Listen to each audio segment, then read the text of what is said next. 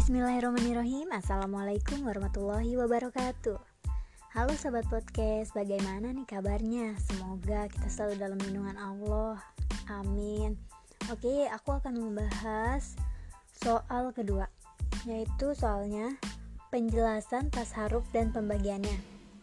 Langsung aja Sumber perpus kampus Tasharuf adalah segala yang keluar dari seorang manusia dengan kehendaknya dan cara menetapkan hukum haknya.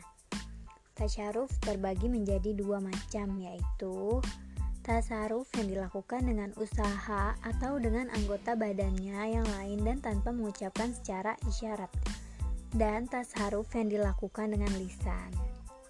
Soal selanjutnya yang ketiga, tasaruf kauli terbagi menjadi dua bagian Lalu jelaskan pembagiannya. Dari blogspot Setit Takwa Tasaruf kauli akli yaitu sesuatu yang dibentuk dari dua ucapan dari kedua belah pihak yang saling bertalian.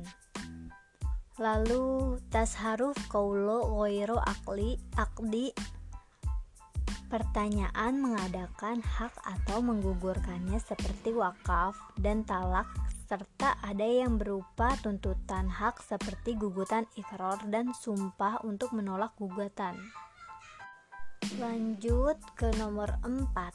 Jelaskan pembagian tasharuf kauli goyrul akdi. Oke. Sumber slide share dari Muhammad Rizki.